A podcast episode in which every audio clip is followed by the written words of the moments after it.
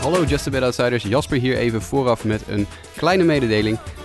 Deze aflevering, deze National League Preview, is in tweeën gesplitst. Dat wil zeggen dat jullie nu de komende drie kwartier kunnen luisteren naar deel 1 van de National League Preview en later deze week volgt deel 2.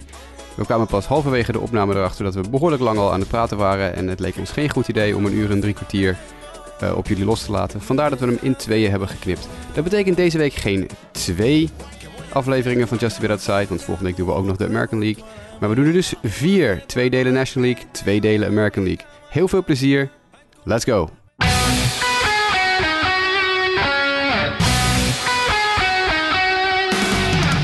Ja, hallo en welkom bij een nieuwe aflevering van de Just a Bit Outside podcast. De enige echte MLB-podcast van Sport Amerika.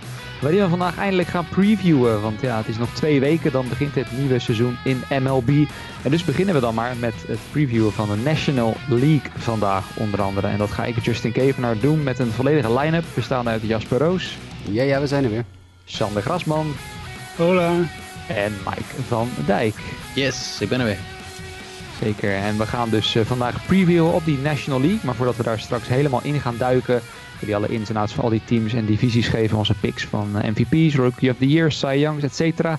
Gaan we eerst nog even wat nieuws afvinken wat er de afgelopen tijd heeft, eh, heeft gespeeld. En we beginnen allereerst met de Minor League. Want daar ja, zijn een paar regels veranderd. Jasper, kan je daar ons het fijne van vertellen?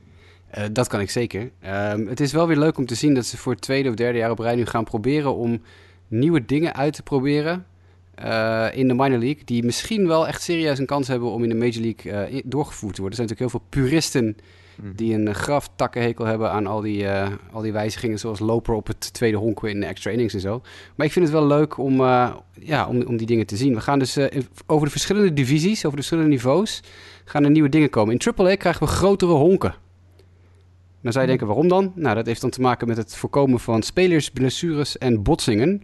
Eh, want men denkt dat eh, door de honken 3 inches groter te maken in de diagonaal, ze gaan van 15 inches in de diagonaal naar 18 inches in de diagonaal, verwachten ze dus dat de kortere afstand ook tussen de honken eh, die daardoor ontstaat, want je krijgt natuurlijk dan, nou ja, laten we zeggen, eh, nou, 6 inches of zo, eh, minder afstand tussen de honken dat er een, eh, eh, vaker gestolen zal worden, maar dat ook de, de, er minder botsingen zullen komen of zo. Omdat er geen bang-bang plays meer zijn.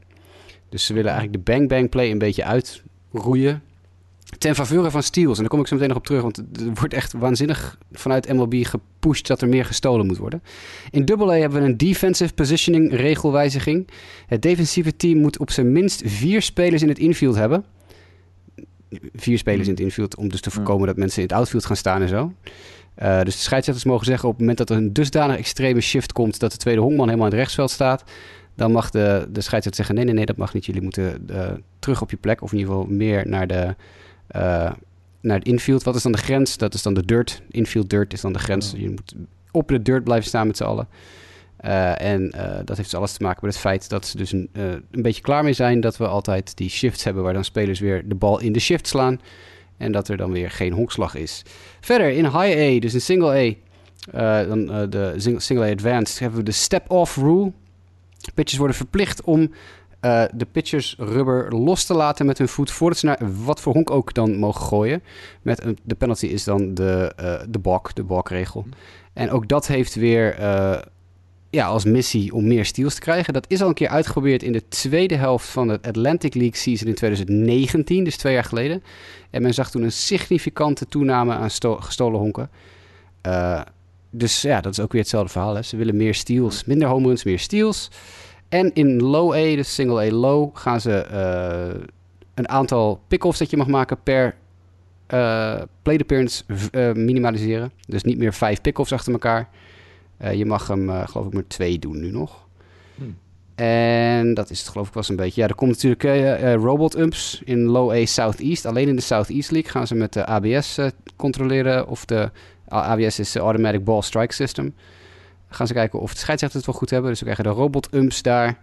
En de low A West divisie heeft nog meer pace of play rules. Met bijvoorbeeld, waar hebben we het over? Even kijken. Eh, ja, timers in het outfield en timers in het infield. En strenger optreden tegen pitchers die er te lang over doen. Dus dat zijn eigenlijk alle nieuwe regels die getest gaan worden in de minor league. Nou ja, wel interessant. Er zitten hier wel een paar tussen waarvan ik denk van, nou, dat kan misschien ook in de majors geen, uh, geen kwaad. Maar goed, het is natuurlijk logisch dat ze eerst misschien op een lager niveau natuurlijk dan gaan experimenteren. Om voordat ze natuurlijk uh, in de majors eventueel gaan, uh, gaan toepassen. Vooral die robot umps, daar word ik altijd wel een beetje enthousiast van als ik weer de, de, Joe West show voorbij zie komen straks ergens in, in de zomer. Hè? Dan, Heb je van de week gezien bij Spring Training dat de scheidsrechters het zat waren? Heb je die wedstrijd gezien?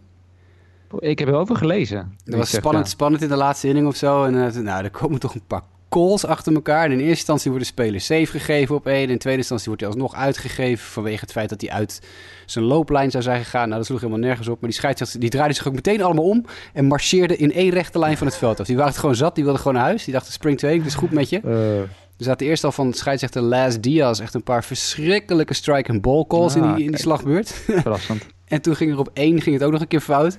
Nou, iedereen was met de Pirates, arme Pirates ook nog. Dus die scheidsrechters draaiden zich om en liepen van het veld af. Jongens, het is mooi geweest. En een paar dagen daarvoor hadden de scheidsrechters ook geen zin meer. Toen was het gelijke stand. Toen wilden de teams wilden nog een inning eraan vastplakken. Maar de scheidsrechters zeiden, dat gaan we niet doen. Einde wedstrijd. Dus de scheidsrechters zijn weggelopen. En de teams hebben met een coach als scheidsrechter achter de plaat... hebben ze gewoon nog een extra inning gespeeld. En ze wilden gewoon nog een beetje doorballen. Het is gewoon een beetje een soort achtig, een beetje trapveldje-achtig uh, ja. idee kreeg je dan. Dat je gewoon met twee teams en een coach en dan uh, gewoon lekker een beetje ballen, weet je wel. Nou ja, kan gewoon allemaal, zelfs in uh, springtraining, wat, wat dat betreft. Maar goed, interessante ontwikkelingen in de, de lagere regionen van het honkbal. Dan Jake Odorizzi. Mike, we hadden het vorige keer erover dat we aan pollen waren van nou, waar kan Odorizzi heen gaan? Een beetje de grootste naam die over was. In ieder geval gebaseerd op zijn prestaties van vorig jaar. Dat hij naar Minnesota terug zou komen, dat was al bekend. Alleen toen opperden wij geloof ik gezamenlijk als podcast Houston. En zie daar een dag later, Mike. Hij tekende. Precies, ik, uh, ik, ik kan jullie voorspellingen afvinken. Dit, uh, dit was weer eentje die, uh, die spot, spot on was.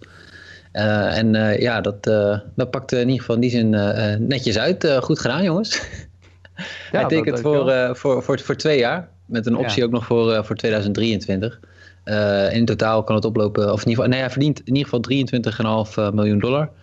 En uh, uh, nou, daar kan altijd nog uh, een buyout, wat extra geld bij komen. Of de speleroptie voor, 20, voor 2023. maar ja, de Astros moesten ook wel wat doen. Want een van hun grote werptalenten, Forrest Whitley. Jasper, misschien dat jij zo wat meer kan zeggen over hoe groot de, de hype is rond Forrest. maar die, die, heeft zijn, die heeft Tommy John surgery nodig. Die heeft een UCL-tear. dus daarmee was de pitching in ieder geval schaars geworden in, in Houston. Als die dat al niet was. Nou, de hype rond Forrest Whitley is inmiddels wel uh, geminimaliseerd hoor. Volgens mij, nee. toen hij gedraft werd uit high school een paar jaar geleden, toen was het echt inderdaad, nou ja, ik geloof dat hij 16 of 17 de overall gedraft is. Dat was echt uh, ja, een ongelooflijke koep dat uh, de Astros hem daar konden draften. Toen heeft hij een heel goed eerste jaar gehad. Toen is hij al wat geblesseerd geweest, blessureproblemen gehad. Een dopingschorsing achter zijn kiezen inmiddels al. Uh, ik moet zeggen dat de hype rond Forrest Whitley wel weg is, ja. Nou, hij is wel heel jong nog natuurlijk, maar ik denk niet dat MLB Pipeline en Baseball America het vol kunnen houden zoals ze tot nu toe ieder jaar doen, om in de top 15 of top 20 van beste prospects in baseball te houden. Want dat begint onderhand wel, uh, ja, dat die, dat die kaars is een beetje uit. Ja. Nou ja, hij stond inderdaad bij Fangraphs in ieder geval. Ik weet niet welke zij dan hanteren. Daar stond hij voor dit jaar nog op 25 overall. En dan eerste ja, dat is hun, de, eigen, hun eigen rankings. Die precies, eerste, Oké, okay, eerste binnen de Astros dan in ieder geval. Maar... Uh, het is wat je zegt, het is niet de eerste keer. En daarnaast komt ook Framber Valdez natuurlijk, wat nog steeds een beetje onbekend is met zijn vinger, hoe lang dat uh, gaat duren. Dus nou ja. Geen operatie. Dat, nee, is, uh, dat scheelt, dat scheelt voor Framber dan weer wel, ja. Precies, maar ze kwamen bij vorige week in ieder geval daarom een beetje tot de conclusie van, nou, misschien is Houston dan niet zo gek voor Odorizzi. En blijkbaar dacht uh, Jake, zijn agent en Houston daar precies hetzelfde over. Dus nou ja, gaan kijken wat die match gaat brengen. En dan iemand die niet meer terugkomt, dat is Nick Markakis. ja, Sander, Nick Markakis inmiddels al aardig wat jaartjes ging niet mee. Uh, besloten mee te stoppen. Waar denk jij als eerste aan als jij aan de naam Nick Markakis denkt? Heb je dan warme herinneringen eraan? Ja, ik ken hem vooral natuurlijk uh, eerst nog als right fielder van, van Baltimore. En, en, maar de laatste jaren heeft hij natuurlijk ook met Atlanta nog succes gekend. Maar ja, dat het er een beetje zat aan te komen was de laatste twee seizoenen eigenlijk wel, wel duidelijk. Maar hij had nog even een mooie wederopstanding in, bij de Braves. Toen leek die uh, vadertje tijd toch nog te kunnen verslaan. Maar uh, vorig jaar heeft hij iets meer dan de helft van de toch al weinige 60 wedstrijden gespeeld. En zelfs een negatieve war. Dus dat, Maar hij was een eh, belangrijk eh, onderdeel van eh, de Baltimore Orioles toen die nog, eh, nog meededen om de bovenste plekken. Dus eh, ik eh, herinner me hem vooral als Baltimore Oriole, maar hij heeft natuurlijk ook hele mooie dingen bij Atlanta gedaan. Nou ja, precies. Inderdaad, als ik hier even snel uit mijn hoofd tel. Inderdaad, negen seizoenen in Baltimore gespeeld. Daarna nog eh, zes eraan vastgeplakt in Atlanta. Bijzonder dus inderdaad wel zijn enige All-Star appearance was dus voor Atlanta. Toen hij al 34 was in 2018. Al die jaren bij Baltimore is hem dat nooit gelukt. En hij is wel toen als rookie 60 geëindigd in de Rookie of the Year voting. Achter, uh, nou ja, terwijl de andere bekende namen als Justin Verlander. Jared Weaver van de Angels, die natuurlijk al gestopt is. Francisco Liriano, die denk ik, hangt hij nog ergens rond? Ja, die hangt inderdaad gewoon bij de Blue Jays, zie ik hier. Jonathan Papelbon en Kenji Yoyima van de Mariners. Daar uh, dat je achter. Dat toont al wel aan, denk ik, als je met dat soort namen in een rijtje staat. Dat je al heel lang meeging. En uh, nou goed, uiteindelijk uh, 14-jarige carrière gehad. En dat is denk ik niet heel erg verkeerd voor Mark Kekis al met Pep al. Papelbon die is nu televisieanalist bij de Nationals dit seizoen voor het eerst. Ik ben heel benieuwd. Oké. Okay. Hm, ja, dat zat ik me meteen af te vragen. Nou, want die was natuurlijk al even eventjes weg, maar... Ja, er werd vandaag een press release naar buiten gebracht, volgens mij bij de Nationals vandaan van Masson, met alle nieuwe televisiemensen. En daar stond Papelbon tussen. Dus, uh. Brengen ze hem dan ook alleen in de commercial, of uh, alleen in voor de wedstrijd in de negende inning? Ja, ik hoop zijn. het wel. Ik hoop het wel, ja. dat, hij dan, ja. dat hij dan helemaal als een gek gaat staan schreeuwen tegen zijn co-host. dat ook wel mooi. Ja, we gaan dat, uh, we gaan dat zien. Ja, Mike, ik wil dan toch even teruggeven aan jou. Want we hadden ook nog wat, wat noemenswaardige springtraining blessures. Nou, die van Whitley had je ons net al meegegeven natuurlijk. In het uh, vervroegde medisch bulletin, om het zo maar te zeggen. Die bij de Astros uh, weg is gevallen. Verder nog dingen die je bent tegengekomen qua blessures. Waarvan je denkt van, nou, dat, dat is wel iets om in de gaten te houden. Ja, de, de twee die eigenlijk er vooral uitspringen zijn Zach Britton, de reliever van de, van de New York Yankees. Die uh, moet een operatie ondergaan aan zijn elleboog om bone chips te verwijderen. En die gaan ze echt wel een lange tijd missen. Ik geloof dat er zelfs gesproken werd over drie, vier maanden. Mm -hmm. En uh, Carlos Carrasco die heeft zijn, zijn hamstring gescheurd. Ja. Ja, dat baart mij dan natuurlijk weer dat een gaat, beetje... ja, dat gaat zeker een maand of twee wel, wel duren, ja. ja. Dus dat, uh, ja, nee, dat is heel erg jammer voor uh, onze, ons Mets-fans. Vooral ik en uh, Dennis Jansen dan natuurlijk. Maar ja, dat is helaas iets bij Carrasco natuurlijk. De laatste keer dat hij eruit lag was natuurlijk iets veel ergers. Maar ook daarvoor altijd wel, kan ik me herinneren, wat, ja, wat, wat blessureproblemen. Dat hij nu helaas dan weer op deze voet begint. Dat is, dat is jammer. Maar ja, dat, deze voet? ja, dat weet ik niet bewust met, inderdaad. Met zijn hamstring. Dat was niet eens een bewust, maar die is leuk inderdaad. Uh, nee, ik, ik noem de naam van Dennis Jans al, een van onze trouwe luisteraars natuurlijk. Die had ook wel een mailback-vraag ingestuurd en die behandelen we dan ook even voordat we de National League induiken. Uh, hij vroeg ons namelijk via Twitter, um, ja, er zijn nogal wat namen over. Of tenminste namen, misschien namen vooral die in het verleden groot waren, maar die nog geen team hebben. Uh, Jasper. En hij noemt dan Matt Adams, Johannes Cespedes, Edwin Encarnacion, Matt Kemp, Jeff Samardzija, Anibal Sanchez en Matt Weeders onder andere. Nou, wacht, we doen het zo. Dennis vraagt, is er nog plek voor deze jongens? Jij nou ja, zegt, dus is er nog plek? Jij zegt de naam, ik zeg ja of nee. Oké, okay, go. Okay. Matt Adams. Ja, vast wel. Johannes Cespedes. Ongetwijfeld. Encarnacion. Nee. Matt Kemp. Nee. Jeff Samardzija. Nee. Anibal Sanchez. Nee. En Matt Weeders. Niet voordat iemand zijn been breekt. Hmm. Nou ja, dat, dat is het. Uh, met catcher. Als er ergens is, er hoeft maar één catcher weg te vallen ergens, dan, uh, dan denk je dat Weeders aan de bak komt. Ja, dat zou je zeggen. Er zijn toch heel teams die op een of andere manier aan het verzamelen zijn geweest van... Ik zag het van de week, welke, ik weet niet meer welke preview ik zat te schrijven. Daar staan echt vijf catchers op het roster die in de laatste vijf jaar in de Major League hebben gespeeld. Dat je denkt van, wow, deze gasten hebben gewoon vijf jongens uitgenodigd voor spring training... die allemaal in de laatste vijf jaar in de majors gestaan hebben... En die dus allemaal nu in spring training bij één team voor twee plekjes aan het knokken zijn. Dus er, er, komt wel een aardig zakje vol met, uh, met werkloze catchers beschikbaar ook weer aan het eind van de. Dat zijn allemaal geen all-stars of zo, maar het zijn allemaal jongens die in ieder geval defensief in de, in de Major League wel terecht kunnen. Uh, dus ik, ja, ik weet niet hoor. Weeters ik is natuurlijk ook te kijken, ja, wie, welk team je dan... Uh... Ja, was het de Astros? Het is een luisteraarsvraag dit. Dit is een luisteraarsvraag. Ja, ik weet het echt niet meer. Maar er staat ergens een team en ik, ik zat die lijst met springtraining invites te kijken en denk, ja, al deze, al deze vijf catchers heb ik in de laatste jaren in de Major League gezien. Ik heb nu de Astros voor, maar die hebben wel Jason Castro gehaald. Uh, even kijken, verder nog. Waar zit Chirinos tegenwoordig? Garrett Stubbs hebben Yankees, toch? Yankees. Wat zijn het die Yankees die zoveel catchers op hun roster hebben staan? Ergens ja, is dit heb, natuurlijk ja. wel een, een, een, mooie reeks ook voor Netflix of zo, toch? Ja, misschien wel, ja. Two roster ja. spots, five catchers, beating it out. Ja, nee, ik bedoel, er zijn, er zijn heel veel teams natuurlijk die eh, jonge jongens nog uit de minor league hebben rondlopen. Catchers die nu dan misschien een keertje door moeten breken. Ehm, je hebt nog die gasten zoals die, eh, die jongen die bij eh, de Oakland Athletics rondloopt, die geblesseerd is geweest. En waar ze dan in paniek vier backup catchers voor gehaald hebben. Nu is die jongen Mhm. weer fit. Hebben zitten ze met al die catchers. Maar goed, dat is eh, tot daar aan toe. Nee, ik denk dat eh Cespedes, dat, ik verwacht dat dat eigenlijk een beetje op is. Encarnacion Camp en Samarja, dat is gewoon helemaal niks meer. Anibal Sanchez. Ja.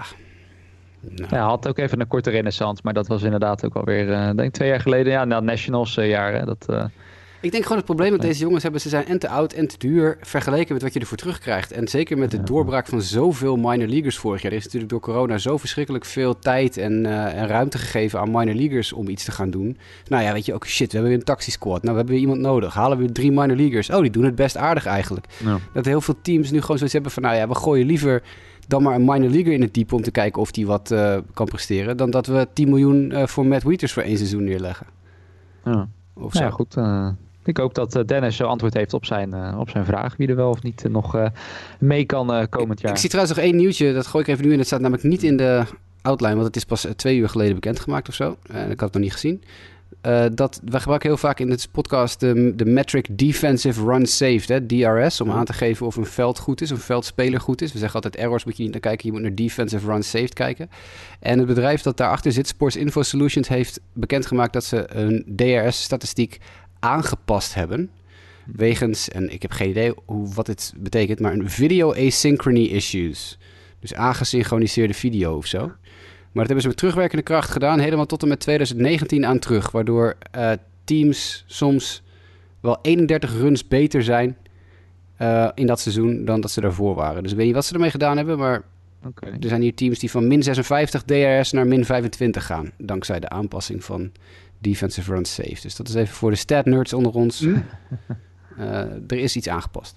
Nou, is, eh, is genoteerd inderdaad door alle statnerds dan denk ik die naar onze podcast eh, luisteren. Dan ja, laten we er maar in gaan duiken. hè. De National League preview van West naar Central naar East.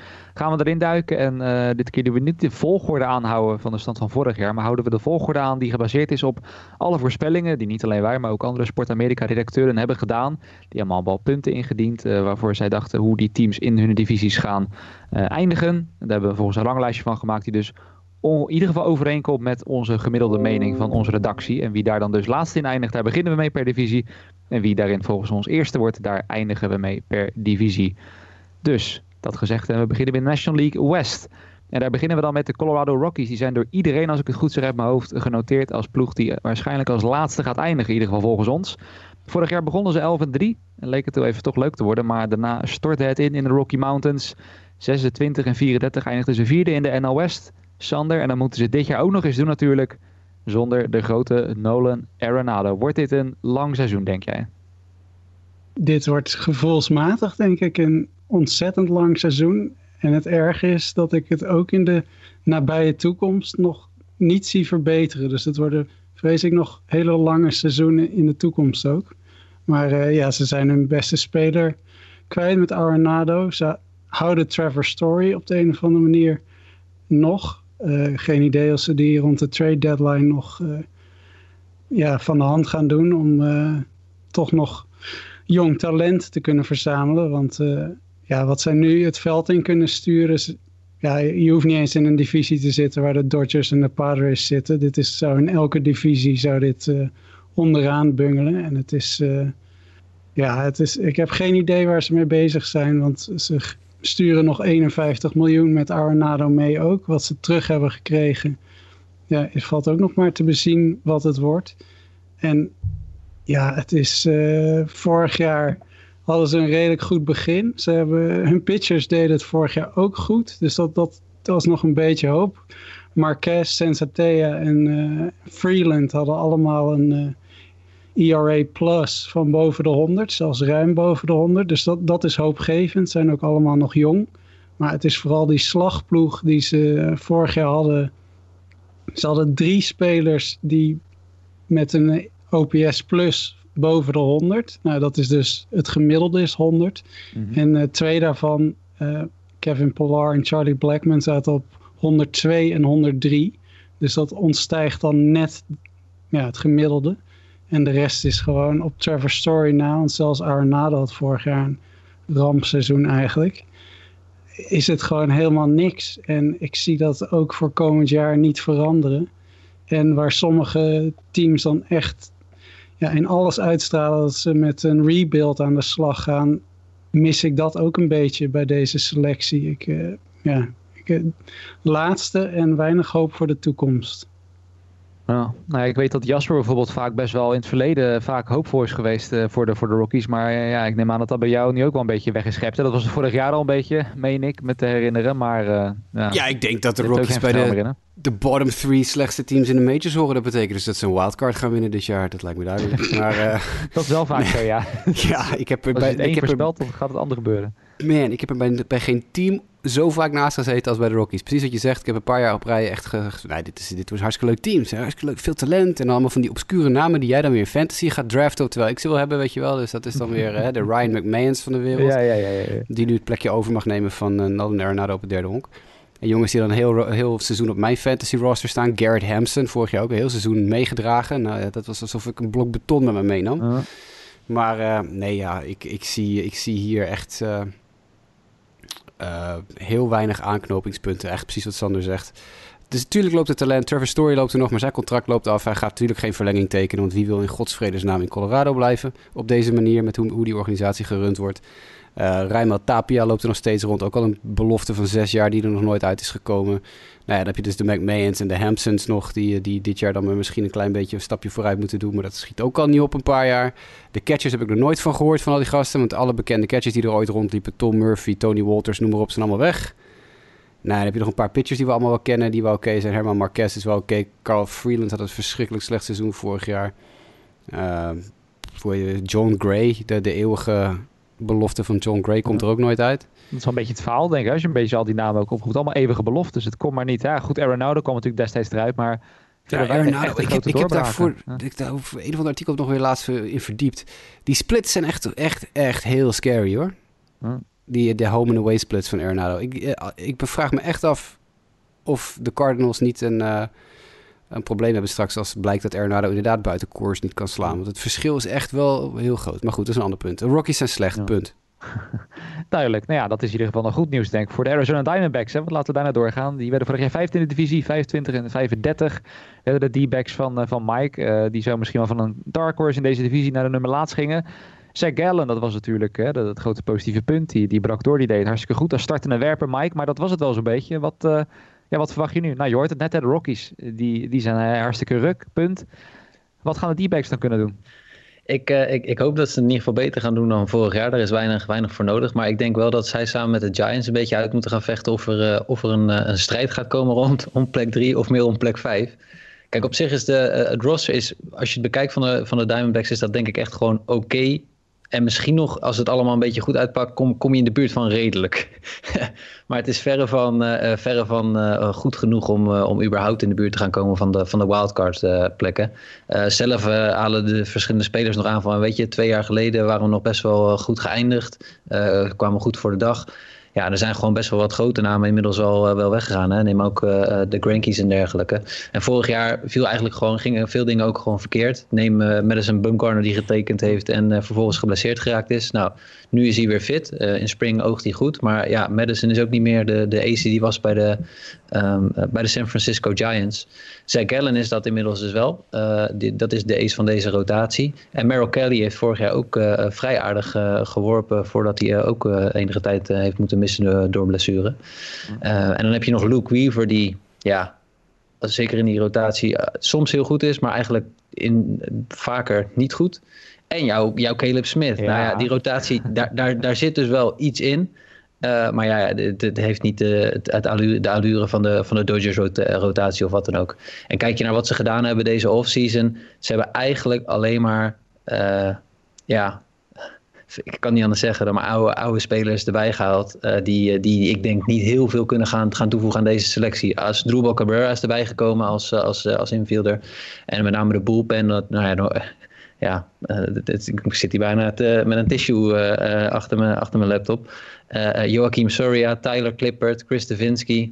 Ja, dat is toch eigenlijk gepasseerd station, zeg maar. Uh, weet je, dat, en die moeten het dan gaan doen. Mm. de line-up is oké hoor, op zich een beetje met, met, met, met uh, Peralta en zeker Kettle Marte. Daar kunnen we echt wel van verwachten dat hij dit seizoen weer een stap gaat doen in richting de vorm die hij had in 2019. Die staat echt goed te slaan. Eduardo Escobar is ook een stukje afgevallen, lijkt een stukje scherper te zijn. Maar Christian Walker op het eerste honk gaat, gaat gewoon echt niet Paul Goldsmith doen vergeten. Verre van, dat komt gewoon niet in de buurt. Ja, en uh, het, is, het is hopen dat jongens als, als Dalton Varsho en Carson Kelly gewoon een stap naar voren gaan zetten in hun ontwikkeling. Want dat zijn jongens die echt uh, in de komende jaren wat, meer, wat belangrijker moeten gaan worden in dit team. Dus ja. ja. ik, ik, ik, zie wel, jij zegt net Asdrubal Cabrera, maar die, ik zie wel dat hij donderdag in spring training against the Dodgers 3 for 3 with a single, double en een solo home run. Die, die begint al in vorm te geraken op zijn 35ste. Ja, dat, dat, is zo. Maar goed, als hij het nu al heeft gedaan, zeg maar, dan heeft hij het niet meer over in het seizoen. Nee, ja, het, is, het is een gerichte versterking wel, eh, wel geweest, uh, Cabrera. En eh, zeker offensief kan hij wel wat toevoegen, want het team viel offensief vorig seizoen erg tegen. Dus het is, het is wel echt een, met name in de, in de power categorie. En dat, dat kan Cabrera wel mee, meebrengen. Maar ja, ik, ik verwacht toch niet dat Azulbo Cabrera op zijn 35ste uh, ja, je de dragende kracht moet gaan zijn in je line-up. Tenminste, dan, dan, dan ga je gewoon niet meespelen om de playoff plekken, uh, is mijn beleving. Nee. nee, dat denk ik zeker zo. En dan laten we alles maar meteen doortrekken met een bruggetje wat jij net trok. Dat uh, ze waarschijnlijk dus om die derde plek gaan strijden met de San Francisco Giants. waar het eerste jaar vorig jaar de Gabe Kepler best oké was. vooral aanvallend, toch best wel veel meevallers. eindigde in veel categorieën zelfs in de top 10 in de majors. pitching weliswaar wel drama, maar ja, de Giants hingen ze toch het hele jaar, Jasper rond de 500 mark. En we zijn al een paar jaar, meen ik, best negatief geweest. Terecht ook, hè? Met weinig eh, perspectief dat het snel, snel beter werd. Ja, waar, waar staan de Giants nu? Is het echt het kruispunt waarbij het heel snel goed gaat worden? Of moeten we niet te hard van stapel lopen? Dat hangt er een beetje vanaf wie het vraagt in onze redactie. Uh, even kijken. De. Ja, ja, natuurlijk. maar als je kijkt naar de, naar de rankings. Lionel en ik zijn de enige twee die de Giants uh, als vierde zien eindigen in de divisie. En de rest heeft ze allemaal als derde. Uh, dat betekent dat jullie allemaal denken dat de Giants beter zijn dan de Diamondbacks. En ik denk niet dat dat zo is. Uh, ik, ik denk dat de... Nou, wat Mike eigenlijk ook net al zegt, de line-up van de Diamondbacks wat, wat uh, gebalanceerder is dan die van de Giants. Ik denk dat de vorig jaar natuurlijk de Giants leek allemaal af en toe nog wel wat, maar het is ook kort seizoen en, en jongens die kort gespeeld. Er zitten wel talenten natuurlijk. Hè? Joey Bart die een fulltime plekje gaat krijgen bij de Giants, heb ik echt wel zin om naar te kijken. Maar ik weet niet of, of zo goed is als hij vorig jaar was. En misschien is hij dat wel, hè? Dat zou best kunnen dat hij dit hele jaar net zo goed speelt. Ik weet het niet. Ik ben nooit zo van uh, eh, 30 jaar of 29-jarige jongens die ineens uit het niets dit doen. Ik weet niet of dat heel erg houdbaar is. Ja, en voor de rest uh, kan je amper vijf spelers opnoemen van de Giants. Dus dat is, ik, ik geloof... Die, uh, Solano, hè, die is 330 zie ik. Die was ook vorig jaar ineens... Hetzelfde uh, verhaal. Ja, precies. Heel goed voorbeeld. Hetzelfde verhaal. Geloven we in één keer dat Donny Betts... Of weet ik weer? Donny Betts ja, dat was het geloof ik ze bijna. Ja, ja. Uh, ja, misschien wel. Hè. Ik weet het niet. Maar ik, ik ga niet nu meteen helemaal blind varen... op het feit dat de Giants het helemaal uitgevolgd hebben. Ze zijn natuurlijk hun zeer talentvolle assistent pitching coach kwijt... die ontzettend veel goed gedaan heeft voor Gav Kevin Gausman die zichzelf helemaal weer op de kaart heeft gezet onder, uh, onder de leiding van Ethan Katz. Mm -hmm. Die natuurlijk nu de pitching coach is bij Chicago, in, uh, bij de Chicago White Sox. Um, dus ja, I don't know. Ik zie het niet. Ik ben niet zo'n Giants gelover. Ik geloof meer in de Diamondbacks. Fra fractie meer, marginaal meer. Maar ik geloof iets meer in de Diamondbacks. Nou ja, het is misschien meer dat, dat het roster niet, niet heel erg inspireert inderdaad wat jij zegt. Er zitten niet echt uh, grote talenten of zo in de, in de basis. Zowel niet bij de pitchers als bij de line-up. Uh, grote namen. Ja, oké, okay, natuurlijk wel Evan Longoria, Buster Posey. Maar ja, het is ook allemaal een beetje... Of nou ja, een beetje. Het is gewoon vergane Het is gewoon oud, ja. Dat, uh, oud. 34, ja. 35 zijn die respectievelijk. Het is inderdaad weer een hele oude line-up ook, zit ik zo zitten kijken. De projected line-up is nu allemaal 30 plus. enige onder de 30 is Mauricio Dubon, die bijna 27 is voormalige prospect van de Brewers en de Red Sox. Mm -hmm. Dus uh, that's it. Maar, ja. maar het, het, het, het, bijzondere is, want ik, ik, ik voel mee voor Jasper voor dat, je, dat de Diamondbacks misschien een gebalanceerdere line-up hebben. En ik, ik heb zelf ook best wel zitten twijfelen van, ja, gaan de D-backs zeg maar derde worden en de, en de Giants vierde? Het gekke was toen ik dit team zag vorig jaar, toen dacht ik van, we, hebben, we dachten allemaal vorig jaar, volgens mij, uh, ja. de Giants dead last. Not even close. Dit is zo'n oud team. De komende jaren gaat het niks worden. En ik was eigenlijk verrast met wat ze zeg maar wisten te bereiken. En dan kijk je nu na, uh, na, na de wintermaanden nog een keer naar dat roster. En dan denk je van, ja, nou, Nou, misschien dat ze het wel weer, weer uh, wat ik bedoel, ja, de Diamondbacks heb je ook een goede kans dat die gewoon weer halverwege het seizoen gaan zeggen van uh, Toeledoki, hier heb je nog wat spelers als trade chips en we zien het wel volgend jaar. Kijk, kijk naar Giants outfield. Die hebben op dit moment vijf outfielders op een active roster staan. Uh, Mike Yastrzemski kennen we inmiddels. Alex Dickerson hebben we wel eens van gehoord. Ja. En dan staan Steven Duggar, Austin Slater en Lamont Wade daarachter. Ja, dat zijn hè, namen die we door de jaren heen wel eens gehoord hebben. Maar dat zijn geen super hoogvliegers of zo. Klopt. Ja. Uh, hetzelfde is een beetje voor het infield. Ik bedoel, we hebben natuurlijk de, de bekende namen. De Brandon Belts, de Brandon Crawfords, de, de Evan Longoria's, Donovan Solano. Ze hebben dan Tommy La Stella als de grote free agent signing. grote tussen aanstekens. Ja. Free agent signing uh, daar, daarbij gezet. Uh, en dan een pitching staff waar ze jongens als Aaron Sanchez en Alex Wood aan toevoegen. Nou, volgens mij als je blaast naar Aaron Sanchez, heeft hij een blaar op zijn middelvinger. En als je zwaait naar Alex Wood, dan, jaar, dan, dan, valt hij van zijn, uh, dan valt hij van zijn fiets. Dus ja, ik verwacht ook niet dat die jongens uh, ja, helemaal heel blijven dit jaar. Dus ik, ja, ik, I don't know man. Er zit gewoon geen, er zit, in dit team zit gewoon geen upside. Er zit geen één speler met upside. Want ook die jonge gasten in het outfield daar zit, dat is geen upside. De jongens die zitten allemaal aan hun plafond. Infield hetzelfde verhaal. De goede spelers zijn allemaal bejaard. En de rest heeft geen upside. Darren Ruff, Jason Vosler. Wat is nou de upside aan dat soort jongens? Ja. En dan Kurt Casali en Buster Posey achter de plaat. Dat betekent dat ze dus in deze catchers uh, uh, uh, line-up geen rekening hebben gehouden met en Joey Bart. maar ook niet met Chadwick Tromp. Nee. Die dus allebei dan weer naar AAA zouden gaan. Uh, en dan zit er een partij pitchers, jongen, van de, de Johnny Cueto en de Anthony Desclafani's en de Kevin Gausmans. Uh, Gausman is dan vorig jaar wel oké. Okay. Wandy Peralta. Er zit geen upside in dit team. Letterlijk helemaal niets. Dus het is inderdaad misschien gewoon weer net onder 500 dan, hè? Als in het beste scenario. Hè? Dat is dan eigenlijk beste ook. scenario, dat is, ja. dat, dat, is het, uh, dat is het upside dan wat er... Uh, wat erin zit. Nou goed, het is in ieder geval wel duidelijk in dit commentaar dat dit wel inderdaad de, de, de, drie teams zijn die in ieder geval onderin gaan meedoen. Want de top, ja, dat mogen duidelijk zijn, die, die zit aardig ver weg van deze drie teams. We beginnen met de Padres, die we ook dit jaar weer in ieder geval als redactie zijn, op de tweede plek voorspellen. Vorig jaar natuurlijk uh, 37-23 gingen ze die playoffs in. Werden ze gezien als de grote concurrent van de Dodgers. Maar werden ze in NLDS toch gesweept door die Dodgers die natuurlijk later uh, uiteindelijk de titel zouden pakken. Maar goed Sander, ze hebben er nog even een, tandje bij gedaan. Want ze halen Hugh Darvish binnen, Blake Snell... Ja, denk jij dat het genoeg gaat zijn om nu toch die Dodgers echt misschien van de troon te gaan stoten? Nee, ik denk, ik denk niet dat het genoeg is om ze van de troon te stoten. Maar uh, ja, het is wel duidelijk dat, dat deze divisie twee kanonnen heeft en drie teams kanonnenvoer.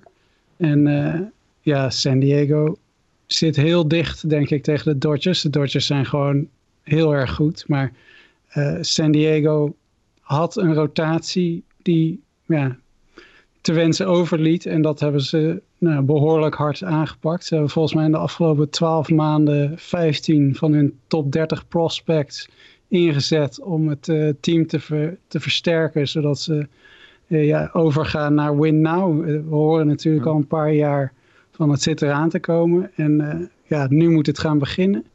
En ja, ik denk dat ze nog niet net zo goed zijn als de Dodgers. Maar ik denk wel dat het verschil klein is. En ja, in een serie kan er van alles gebeuren. Ze hebben, vind ik, behoorlijk gericht uh, aan, aange spelers aangetrokken. Ze hebben vorig jaar in het loop van het jaar al Austin Nola gehaald van uh, Seattle. Nou, die stond mm -hmm. voor zijn overgang in ieder geval bijna wekelijks in ons team van de week. Daarna heeft hij het iets minder gedaan, maar dat is gewoon een aanvallend prima catcher. Uh, op één Hosmer had vorig jaar een goed seizoen. Ik denk dat we dat uh, niet van hem mogen verwachten. Ja, het, vuurwerk moet natuurlijk vooral van Tatis en Machado komen aanvallend. En uh, ja, ze hebben ook nog de Koreaan Seong Kim gehaald. Jay Cronenworth hebben ze een, die, die hadden een fantastisch rookie season. Profar als utility.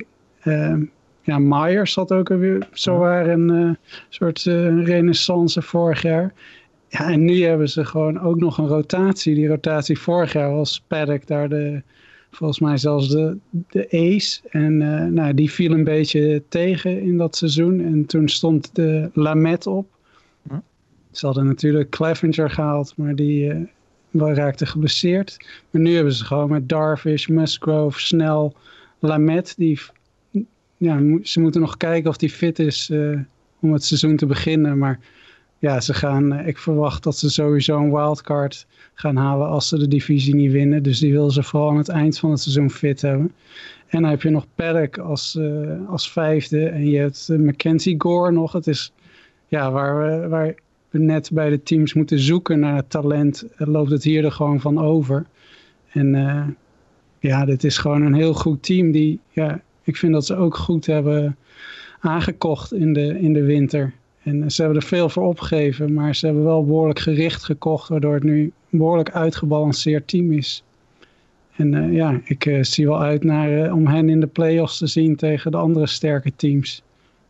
Ja nou ja, dat zonder meer denken. Als je dit ook vergelijkt met de drie teams die we net hebben, hebben besproken. Ja, de, de upside hierin is dan echt weer gigantisch natuurlijk. Hè. En dan ook, je noemt nog Mackenzie Gore. Jasper, dat wil ik nog even kort aan jou vragen. Ik weet dat het al lang een, een beloftevolle jongen is. Hij. Ik zie bij Fangraphs, die ranken hem ook als tweede prospect in heel MLB. Ehm, ja, het is waarschijnlijk voor hem dan wel wachten tot er iemand die een rotatie. Maar ja, hoe serieus moeten we Mackenzie Gore straks gaan nemen als die doorkomt, denk je? Ja, ik denk heel serieus. Ik heb van de week toevallig Spring Trading even zitten kijken. Was, hij was op tv. Um, hij startte de eerste twee innings, zeg ik even uit mijn hoofd van de wedstrijd. En hij was een beetje wild toen. Maar goed, de springtraining moet je niet uh, heel veel eh, waarde aan hechten. Want spelers oefenen met nieuwe pitches en oefenen met nieuwe bewegingen. Dus ja, Mackenzie Gore's curveball is, is... Ja, daar schrijven ze over een paar jaar boeken over. Dat is, uh, daar, daar worden films over gemaakt. Dus ik wil die graag in de majors zien. Maar ik weet niet of die helemaal 100% er klaar voor is nu al. Hij is natuurlijk heel jong gedraft. Mij was hij 17 of net 18 toen hij gedraft werd. Dus, dus hij is nog een, paar jaar onderweg al. Maar ja, Mackenzie Gore is, is een waanzinnig goede pitcher. Nou ja, daarom. En het is nu inderdaad nog niet nodig, want nu die rotatie staat wel, uh, die, die, staat wel aardig. En dan is inderdaad alleen nog de onzekerheid met Lemet. Maar zelfs dan hebben ze er dus minimaal nog zes voor zitten. Uh, ja, misschien als het heel erg fout gaat dat ze er wel gaan brengen. Maar anders dan is het misschien dat ze mij heel rustig gaan brengen. En misschien niet eens dit jaar genoodzaakt zijn om... Uh, te brengen gezien de kracht van die, uh, van die rotatie. Maar goed, uh, het merendeel van ons, en dat is natuurlijk niet heel verrassend, ziet de Pablo is alweer tweede eindigen. Het heeft natuurlijk alles te maken, vooral ondanks dat hij een heel leuk team is. Heeft natuurlijk alles te maken met de LA Dodgers, de winnaars van vorig jaar, de champs, die 43 en 17 gingen in het verkorte seizoen. En vervolgens de playoffs all the way gingen. En ja, Mike, dan krijgen ze ook nog eens Trevor Bauer erbij. Dat, misschien wel de grootste signing van het afgelopen offseason. Dat, dat wordt weer World Series of bust, hè? Eh, het lijkt er wel op, ja. Ja, wat moet je over dit team uh, zeggen? Ik bedoel, op, op deze manier, met hoe ze tot nu toe de afgelopen vier, vijf jaar bezig zijn, zijn ze gewoon eigenlijk wel vergelijkbaar misschien wel met de Yankees eind jaren negentig en in ieder geval met de Giants, zeg maar, begin van, van de jaren tien. dit team is gewoon niet, niet erop achteruit gegaan. Ze hebben Justin Turner ook weer teruggebracht met een nieuw contract. Iedereen is gebleven, zo'n beetje. Ja, ze zijn er niet zwakker op geworden. En dan, dan voeg je ook nog zeg maar uh, uh, Trevor Bauer toe aan je, aan je, aan je pitching staff. Ja, volgens mij uh, zou dit team voor het eerste, het eerste team kunnen zijn sinds de Yankees om twee titels achter elkaar te winnen. Then again, vaak zie je dat zodra je een keer een World Series gewonnen hebt, je het jaar daarop het niet nog een keer lukt. Of in ieder geval je last hebt van kampioensblues. Het, zou zomaar, het zou zomaar kunnen. In ieder geval hebben ze in, in de San Diego Padres wel gelijk een team wat hun het, het vuur aan de schenen legt. Uh, maar ja, wat, ja, in principe is dit gewoon de favoriet in de National League om de, om de, om de, om de National League te gaan vertegenwoordigen in de World Series. Ja, nee, het is, het, is, het is inderdaad wat je zegt. Ik bedoel, eigenlijk kan je hier misschien wat kort over zijn over dit team. Want het is inderdaad een fantastisch team. Iedereen kent de, kent de namen, de Mookie Betts, Corey Seagers. Nou ja, noem ze, noem ze allemaal op. Nu met Bauer erbij in die rotation met Kershaw Bueller. Het is gewoon een, uh, een fenomenaal team. Wat natuurlijk gewoon de op- en top uh, favoriet is, toch? En ik denk dat ook niemand eigenlijk van ons er iets tegen in heeft, uh, heeft te brengen. Want ik wilde eigenlijk nog een rondje maken qua uh, wat we verwachten qua stand in deze divisie. Maar eigenlijk heeft Jasper het net al gezegd. Want de enige discrepantie die er was, in ieder geval qua mensen die hier zijn, uh, was inderdaad de Giants en Diamondbacks. Of die derde of vierde gaat eindigen. Waarbij Jasper dus de enige denkt dat de Diamondbacks derde gaan worden. waarbij het overige En Lionel. En Lionel. Ja, oké, okay, Lionel. Inderdaad, als we de hele redactie breed, breed trekken, ja. inderdaad, dan moeten we Lionel dat zeker niet, uh, niet vergeten. Laat ik zeggen, van de rest die hier is, ja. Uh, die geloven dan toch iets meer en, in. En uh, unaniem de, de Padres op de wildcard. Het is nog nooit voorgekomen volgens mij dat we een unaniem wildcard team hebben gekozen. Ja. Nou ja, klopt. Hè. Iedereen heeft San Diego als, uh, als first wildcard team gekozen. En iedereen heeft de Padres überhaupt op de tweede plek in deze divisie. Dodgers allemaal op één dus. Rocky allemaal laatste. En ja, dat lijkt dus relatief voorspelbaar te worden. En het, het is, wordt denk ik vooral fenomenaal als deze twee teams inderdaad gewoon fit blijven en het gaan halen. En eh, eerlijk gezegd denk ik dat de kans wel heel klein is dat een van deze twee teams niet gaat halen, de playoffs. Ja, dat zou natuurlijk fenomenaal zijn als die uiteindelijk elkaar dan weer tegen gaan komen. Dat kan wel eens, uh, vooral met die rotatie van de Padres, een heel interessant uh, affiche gaan worden in uh, Seven Games. Dat gezegd hebben, gaan we naar de NL Central. Ja, daar beginnen we dan met, en dat is denk ik niet heel verrassend, de Pittsburgh Pirates. Want die zijn ook door iedereen van onze redactie uh, gestemd als slechtste team in de NL Central. En dat is niet heel erg gek, hè? vorig jaar in 19 en 41 het slechtste team in de National League. Ja, Jasper, het is een beetje het verlengde van wat we net bij de Rockies over hadden, maar dan misschien net nog wel een tikkeltje erger, hè, denk ik. Er is maar één reden om naar de Pirates te kijken, en dat is Brian Hayes. En voor de rest, er is letterlijk niemand op dat Pirates roster waarvoor je ook maar vijf minuten naar de Pittsburgh Pirates hoeft te kijken. Ik heb, sterker nog, ik heb niet eens het tabblad met het roster van de Pirates openstaan. ik heb die, die preview geschreven en ik, ik ben daar zo ontzettend verdrietig van geworden... dat ik mezelf eerst drie dagen lang uh, heb moeten uh, ja, op, uh, oppeppen... voor ik weer verder kon. Er is, er, is, er is niks. Het is echt niks. Het is verschrikkelijk. En zelfs in Spring Training van ik wist naar kijken... en dan hebben ze weer... Nou, een rij namen komt er dan langs dat je denkt van... jongens, waarom? Waarom? Waarom? Ja, um, dat is inderdaad zo. Ik zit er nu wel toevallig naar te kijken. Met tabblad wel openstaan nu. het is inderdaad, nou, Key Brian Hayes, wat je zegt. Hè? Die jonge derde honkman, 24 jaar. Top prospect van de Pirates. Zevende overall prospect volgens Fangraphs. Ja, dat is inderdaad het, uh, het enige waar ik in ieder geval ook erg benieuwd naar ben. Want voor de rest, uh, ja, er lopen wel heel veel voormalig first rounders tussen. Kevin Newman, Colin Moran. Onder andere hebben we ook nog Mitch Keller, natuurlijk de werper. Die, die ooit wel een grote belofte was. Maar het is allemaal... ja, niet zoveel aan toe te voegen inderdaad. Ja, er is, er is, dat we allemaal Cole, Cole Tucker misschien dan nog een klein beetje, maar voor de rest... Ja, dat was vorig jaar ook zo slecht. Niet heel erg best, hè? Nee. Nou, die, heeft, die is wel in de off-season opgepikt, heb ik gelezen. Ja. Maar dat is boulevard, achterklap nieuws.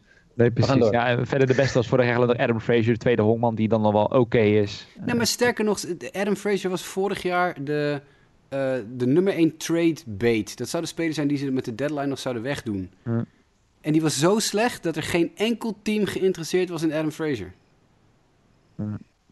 Dus, nee, nou, het, is, ja. uh, het is helaas weer, en dat is dan toch weer voor de Pirates het meest pijnlijke. Ze hebben natuurlijk even, dat was inderdaad zo rond, wat was het, 2013, 14, even die leuke, leuke mini-run gehad. Maar ja, het is, uh, het is net zo hard ingestort. En uh, vooral met, in Pittsburgh zijn ze daar wat betreft het honkbal maar al te bekend mee. En dit seizoen gaat niet veel, veel beter worden voor de Pirates. Maar boven de Pirates dan wordt het misschien wel, wel wat interessanter. Ik geloof dat er ook wel onze voorspellingen waar we straks aan het einde weer even aan toe gaan komen, daarin best wel wat verschillen waren. Uh, uiteindelijk de nummer 4 volgens de brede stemming was dan Cincinnati. De Cincinnati Reds die vorig jaar natuurlijk voor het eerst sinds 2013 de playoffs haalden. Uh, werden daarin wel uitgeschakeld door de Braves. Uh, en dan deden het terwijl juist iedereen dacht, ik dacht dat tenminste, dat ze met die rotation met Bauer, Gray en Castillo ver konden komen. Kwam niet zo ver. Werden dus uitgeschakeld, Sander. En dit jaar natuurlijk in ieder geval verder zonder Bauer, die dus naar de Dodgers is. Uh, daar zit er voor de rest dan wel genoeg dat ze in ieder geval die van de playoffs naar twee jaar kunnen tillen. Ik bedoel, deze brede stemming zegt in ieder geval dat de redactie breed er niet veel vertrouwen in hebben. Maar ik weet niet hoe dat met jou zit. Uh, nee, ja, vorig jaar was, was Cincinnati een beetje een hipster team die een beetje ja, het neus aan het venster had van uh, nou, misschien kan dat wel een leuk team zijn die, die, die ver kunnen komen. Leuke spelers aangetrokken. En, en, ja, die, ze hadden die rotatie, die is natuurlijk gewoon hartstikke sterk. was ook een stuk sterker nog met Bauer, maar hij is nog steeds best wel sterk. Alleen vorig jaar, en dat, dat kwam het meest pijnlijk naar voren in de playoffs. Aanvallend was het gewoon echt drie, vier keer niks. En ja, je zou verwachten dat ze beter kunnen. Moestakis is er nog. Ja, Fotto wordt ouder, maar die had nog bijna het hoogste OPS plus ook van het hele stel. Maar Castellanos, uh, Eugenio Suarez, het, uh, je, je, zou hopen dat er, er meer uit zou komen, maar er was gewoon geen aanvallende, ja, er was gewoon geen uh, slagkracht bij de aanval. En dus, volgens mij verloor, hebben ze twee hits geslagen of zo in die hele serie, of één run gemaakt. Nou, het was in ieder geval schrijnend. En ze hebben er niks voor gehaald. Ze wilden heel graag een korte stop halen. Nou, hebben uiteindelijk genoeg genomen met Freddy Galvis. Nou, uh, geloof ik, zeg ik dat goed? Nou, in ieder geval, uh, ze hebben daar niemand uh, gehaald. Gelvis al ze vorig jaar volgens mij. Ja, klopt. Ja, en Gelvis hebben ze vorig jaar. Die is niet naar Baltimore gegaan, lees ik. Ja, ja ze, ze probeerden Jan en Alleman. Er waren natuurlijk genoeg korte stops. Uh, Semyon ging ergens anders heen. Gregorius wilde ze halen, ging ergens anders heen. Simmons. Ja, het is gewoon, ze zijn met lege handen achtergebleven. En nu is het hopen dat Castellanos en Moustakas, dat die een bounce-back season hebben. Of ze moeten, denk ik, uh, bij de trade deadline uh, spelers gaan verkopen. Dat kan natuurlijk nog interessant zijn om te bouwen aan een nieuw team. Maar als ze niet sterk verbeteren ten opzichte van vorig jaar, dan hebben ze niet de pitching om ze dit jaar naar de playoffs te dragen zonder Bauer. Nee. Ik zit ook te kijken hier bij Fangraph staat uh, Eugenio Suarez ook als korte stop. Is dat, uh, is dat een reëel experiment? Ik zit nog even te googlen hier. Red, oh ja, hier. Reds considering using Eugenio Suarez at shortstop. Hasn't gotten reps at shortstop since 2015. Oké. Okay. Dat, je kan dat proberen. Je kan dat proberen. ja, ik vind het uh, bijzonder interessant, maar het is wel wat Sander zeggen. Nou, wat verder. Ze hebben die Gordon wel als non-roster invite uh, dan bijgehaald. Die Gordon die inmiddels bijna 33 is. En verder hebben ze ook inderdaad geen kort stop momenteel. Ja, is, als uh, Senzel was dat ooit, toch? Maar ja, die staat nu als centerfielder. Nee, derde man. Senzel was derde man. Ja, precies. En die hebben ze nu inderdaad wel volledig tot outfielder gaan convert. Wat ook wel een beetje jammer vind. Dat komt ook nog steeds niet helemaal, uh, helemaal door. Voormalig top prospect. Die ook een beetje blijft, blijft hangen. En ook een beetje in die aanvallende malaise deelde. Wat wel gek is gezien die namen. Ik, uh, het was vorig jaar inderdaad ook een van mijn favoriete teams. We noemen het een hipster team. Uh, waar ja, veel potentie in zat, ook aanvallend. Maar het kwam er maar aan één kant uit. Dat was de pitching kant. En dat, uh, ja, ik vrees dat dat dit jaar ook zo is. En ik zit even te kijken, want wie had van ons... Ik zie Mike had snel op de derde plek gezet. Uh, oh, ik ook nog wel trouwens. Maar ja, ik zie ja, dat Jasper en Sander hadden ze op de vierde plek gezet. En dat, dat zit hem vooral nog steeds in de, in de pitching. Omdat ik denk van, daar zitten wel gewoon leuke armen in. En ja, we gaan het zo over de andere teams hebben. Tja, als je dan naar de, de, de pitching kijkt, denk je wel van... Nou ja, wat dat betreft doet Cincinnati niet onder. Maar goed, we gaan het... Ja, uh, we gaan nou ja inderdaad. Want dat is misschien dan een goed brugje naar het volgende team. Want daarin zit het verschil. Uh, want uh, jij en ik, Mike, we hebben de Reds op drie staan. Omdat wij de Cubs op vier hebben staan. Maar toch redactiebreed genoeg mensen die in ieder geval vertrouwen hebben... dat de divisiewinnaars van vorig jaar dit jaar derde kunnen worden. Wat misschien op eerste gezicht nog best wel verrassend is. ze wonnen natuurlijk vorig jaar de divisie dus. Maar toen meteen eruit tegen de Miami Marlins. Dat was vrij pijnlijk voor de Cubbies natuurlijk. En daarna volgde er toch een soort ja, mini-exodus, hè Jasper? Wat denk ik dan ook het gevolg is dat ze nu bij onze stemming op plek 3 staan, hè? Ja, en ik heb best wel een beetje moeite gehad met het plaatsen van de Cubs dit jaar. Voor, ik ben uiteindelijk voor de middenmoot gegaan en gewoon smack dab in de middel, gewoon plek 3. Maar ik vind het moeilijk. Ik vind het heel moeilijk om dit, team te peilen. Ik denk niet dat ze heel goed zijn dit jaar. Um, maar waar is dat op gebaseerd? Ja, op het feit dat ze vorig jaar niet zo goed waren, maar toch de postseason haalden. Ze hadden gewoon een, een, voor Cup standards een vrij matig seizoen vorig jaar. Maar dat lag vooral aan het feit dat uh, Chris Bryant en Javi Baez uh, helemaal niet thuis gaven. Anthony Rizzo was ook gewoon niet goed, niet zijn normale zelf vorig jaar. En als die gasten allemaal weer gewoon een normaal seizoen draaien, dan heb je, kijk je denk ik op een heel andere manier naar de Cubs aan weer dit jaar. Tuurlijk, ze hebben geen Darvish meer. En dat is een enorme uh, tik die die rotation krijgt. Want voor de rest ja, ben je dan behoorlijk afhankelijk van, nou ja, naast Kyle Hendricks, jongens waar ik niet zo heel erg afhankelijk van zou willen zijn. Maar puntje bij paaltje staat er natuurlijk gewoon nog een, een, een all-star binnenveld met uh, Welling de Castillo. Of niet Welling de Castillo. Zo, dat is echt... Uh, ja. goed, Wilson Contreras. Ja, WC, hetzelfde verhaal.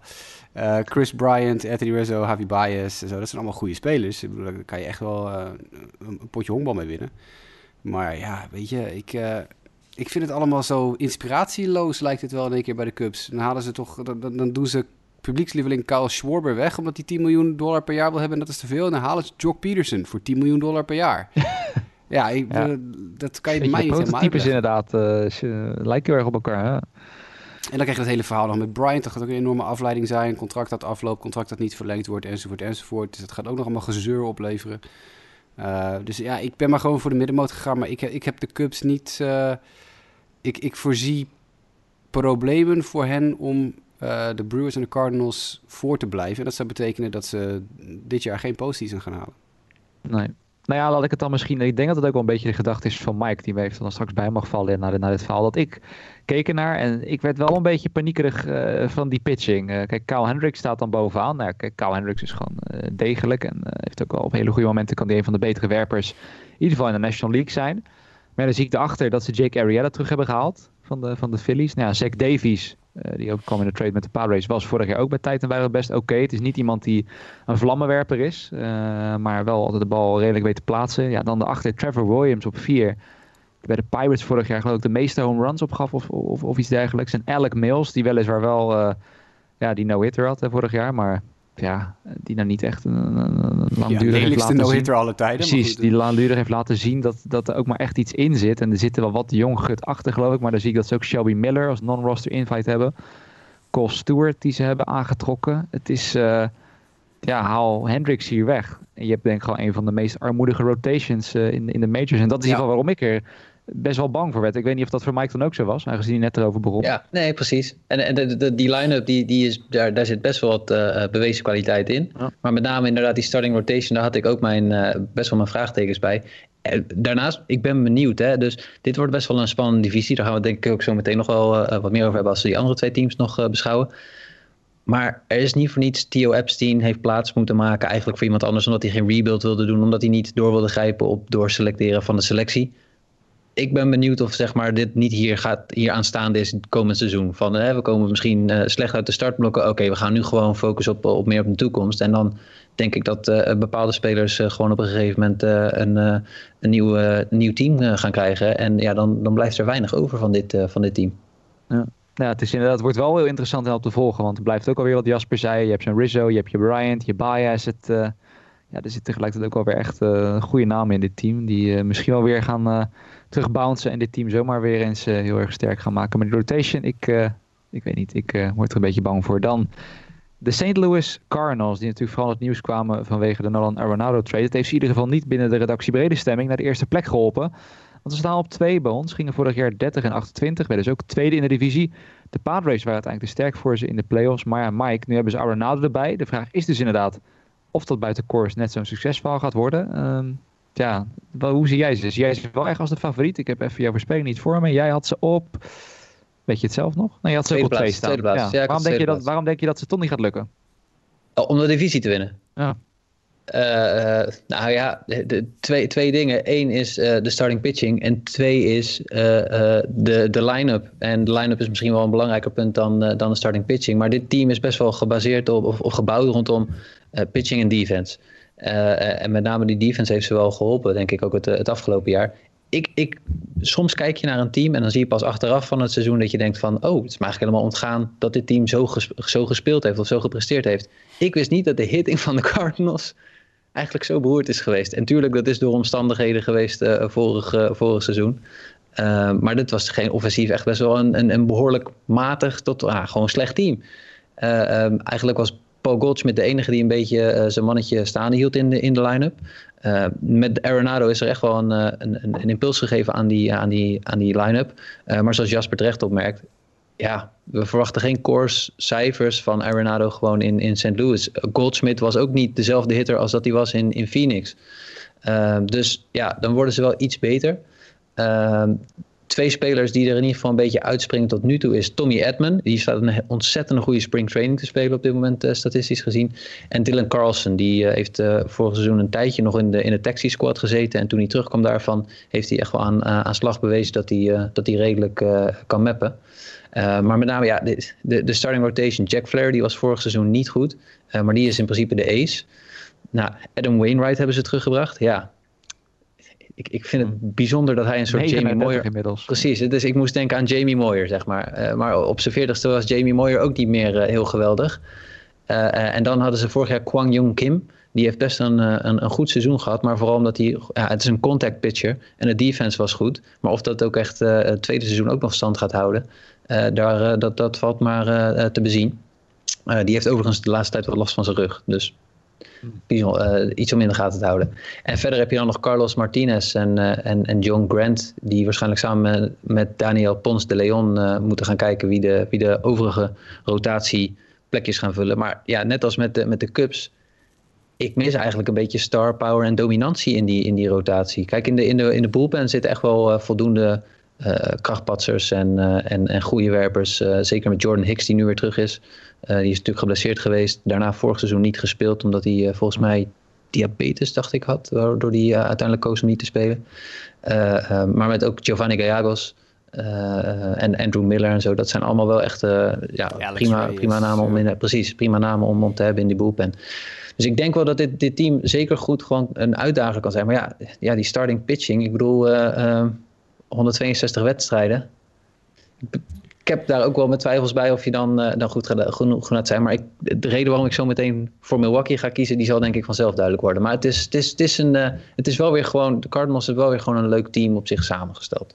Ja, ze, missen, ze missen natuurlijk Dakota Hudson, die heeft Tommy John ondergaan. En ja. uh, Miles Michaelis heeft op dit moment last van zijn schouder. Maar die moet je natuurlijk ook nog eigenlijk soort van meenemen.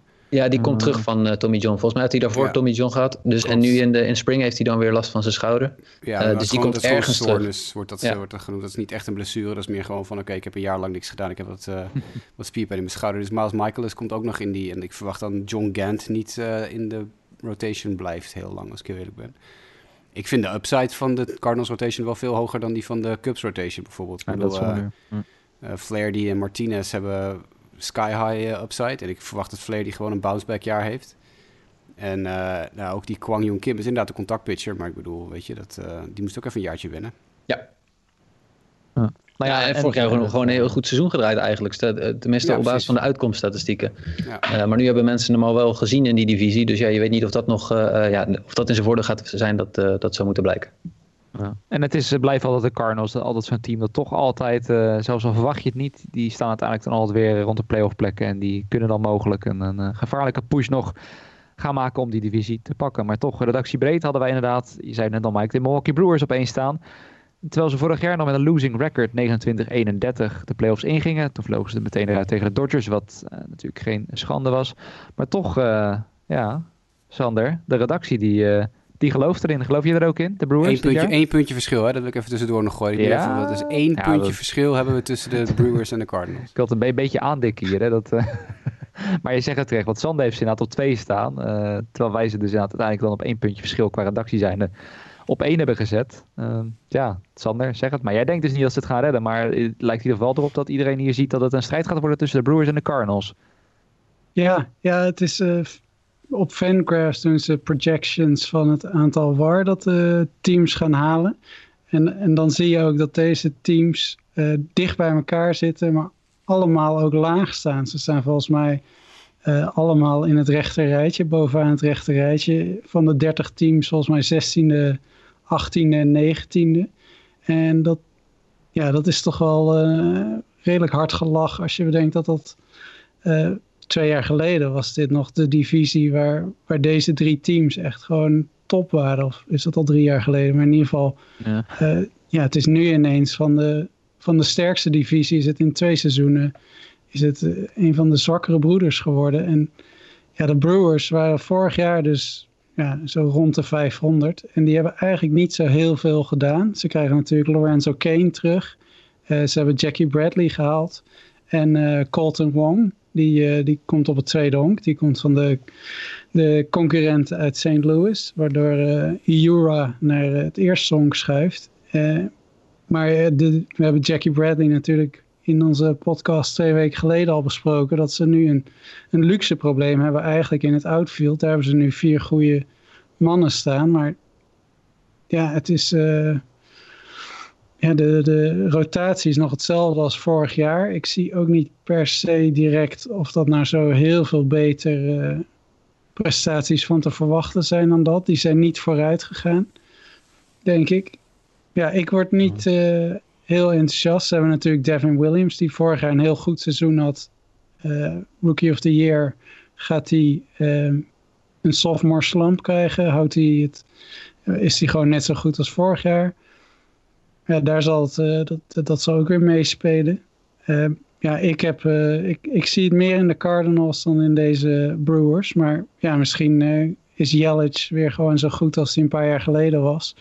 En zit hij, doet hij weer mee om de MVP-race. Ik heb hem niet bij onze voorspellingen gezien. Dus niemand van ons verwacht dat hij de beste wordt in de National League. Maar ja, die, die kan natuurlijk zomaar ineens opstaan. Maar voor mijn gevoel ja, het is geen sterke divisie, dus ze kunnen zo winnen. Maar ik zie ze de divisie niet winnen. En in de playoffs ook sowieso niet ver komen. Niet tegen de teams uit de East en West die daaruit voortkomen. Nee. Nou ja, het is in ieder geval wel interessant wat je aangeeft inderdaad. Hè. We- Kijk, de strijd ongetwijfeld in deze divisie gaat denk ik hopelijk ook wel inderdaad spannend worden. Tussen eh, nou ja, de Cubs, Cardinals, Brewers, heel misschien de Reds dus, als daar dan ook echt alles goed valt. Eh, maar dat het wel aangeeft inderdaad, en wat we net allemaal zeggen, al deze teams hebben wel een, ja, een bepaalde zwakte. Hebben wel iets wat ze tegen kan gaan, gaan zitten. En als je bijvoorbeeld kijkt, we hebben het net over de Race onder andere gehad, hè, die in hun eigen divisie kansloos achter de Dodgers staan. Wij zetten Power Race in deze divisie neer. En ik denk dat iedereen ze wel op nummer 1 zou zetten. Dus dat zegt denk ik ook wel veel over inderdaad, de, de staat van de Central qua echte topfavorieten. Hè, voor, een, voor een World Series titel. Eh, maar goed, onderling ja, valt er denk ik voor allemaal wel wat, eh, in ieder geval voor deze drie die we net hebben besproken, wel wat, wel wat te zeggen. En eh, bij mij is het ook, moet ik eerlijk zeggen, puur een, een gevoelsmatige keuze hoor. Gewoon omdat ik inderdaad met Jelic, met Jura, eh, ja, ik vind het allemaal leuke spelers. Woodruff ben ik benieuwd naar of hij dat weer echt volhoudt en echt een beetje. Vorig jaar was hij toch al wel een beetje een sneaky ace in de National League. Of hij dat er voort kan zetten naar Corbin Burns. Hè, Jasper, dat, eh, die, die heb jij ooit groot gemaakt. Dat heb ik hem ook geloof ik in elke fantasy league opgepikt. eh, dat het met vallen opstaan ging. Ik blijf erbij. dit wordt het breakout jaar van Corbin Burns. Nou ja, daarom. Dus dit is wel jammer dat je het nu hebt gezegd. Ik weet niet of altijd iemand een fantasy bij ons al uh, gekiept. Dat, uh, dat weet ik niet. Maar de waarde schiet nu weer omhoog natuurlijk. Nee, uh, dus dat inderdaad. Er zit, er zit echt wel een leuke upside in dit team. Dus dat was gewoon meer de gevoelsmatige keuze. Maar als ik inderdaad kijk binnen de voorspellingen van de redactie. Jasper gaf het net terecht aan. De verschillen zijn niet heel. En wat in ieder geval dus wel duidelijk lijkt. Is dat de Brewers en Cardinals het, ja, het, het, het, gaan worden. Maar inderdaad, ik en Mike. Als ik het goed zeg, de Brewers inderdaad op... 1 hebben we staan. Ja, ja wij hebben inderdaad de Brewers op 1 staan. Of nee, wie had ik dan? Ja, ik, ik, tenminste ik, oh, nee, ik, had de, nee, ik had de Cardinals op 1 staan. Je hebt de Cardinals God, zit ik naar mezelf. Ja. Nou, maar nu begin ik ineens natuurlijk toch zitten kijken. Wil, wil ik mijn mening misschien wel aanpassen? Ik ben, ik ben, hier, de, ik ben, ik ben hier de enige, ik ben hier de enige ja. die de Brewers uh, ja. Ja, ja, toch een beetje mee jouw kamp zit ik nu te denken.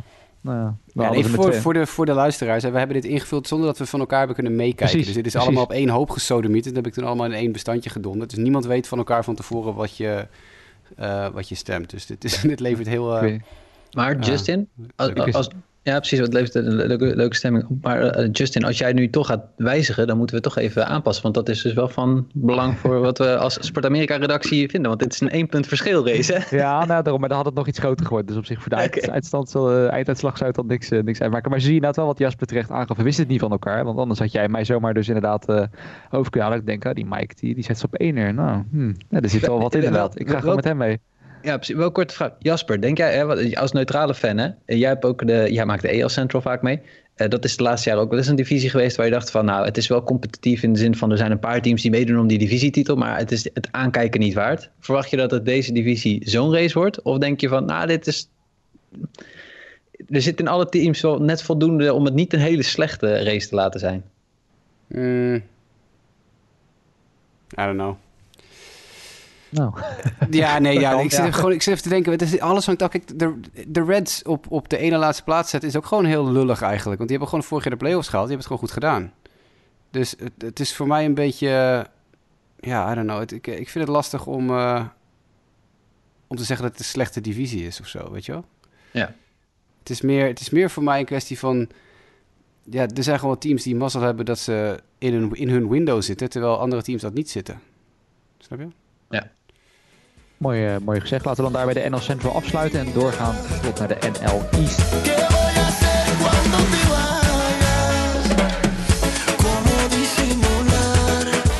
En daarmee maken we een einde aan dit eerste deel van de National League Preview 2021. Later deze week dus deel 2. Jullie hebben de NL East nog van ons te goed. En zoals je wel vermoedt, zal daar wel het een en ander over te bespreken zijn. Zo'n drie kwartier hebben jullie nog van ons te goed, waarin we praten onder andere over de Braves, Marlins, Mets, Phillies en Nationals.